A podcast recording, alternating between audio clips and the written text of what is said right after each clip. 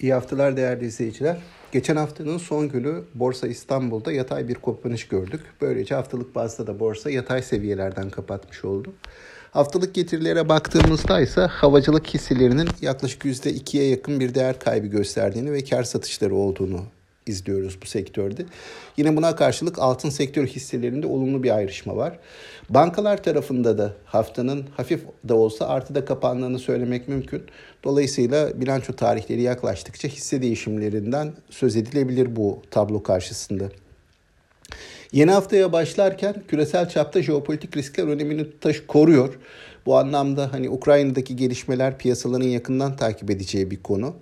Ee, bunun haricinde ABD tarafından gelecek haberler de önemli. Geçtiğimiz hafta ABD tarafında borsaların sert satışlar gördüğünü, aynı şekilde 10 yıllık tahvil faizinin de bir ara %1.90 seviyesine kadar çıktığını görmüştük. Yeni haftaya başlarken ABD 10 yıllık tahvil faizi 1.77 seviyelerinde ve ABD endeks vadelilerinde genelde bu sabah itibariyle %0.6-0.7'lik artışlar var.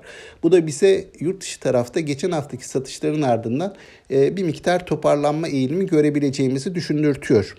E, yurt dışı tarafta hani e, jeopolitik risklerin varlığını hani dikkate alarak bu toparlanma eğiliminin devam edeceğini, yurt içi tarafta ise bilanço beklentilerinin hisse tercihlerine yön vereceğini düşünüyoruz.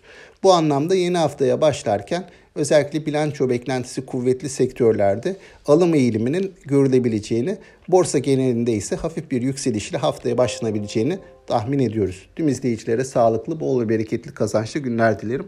Yeniden görüşmek üzere.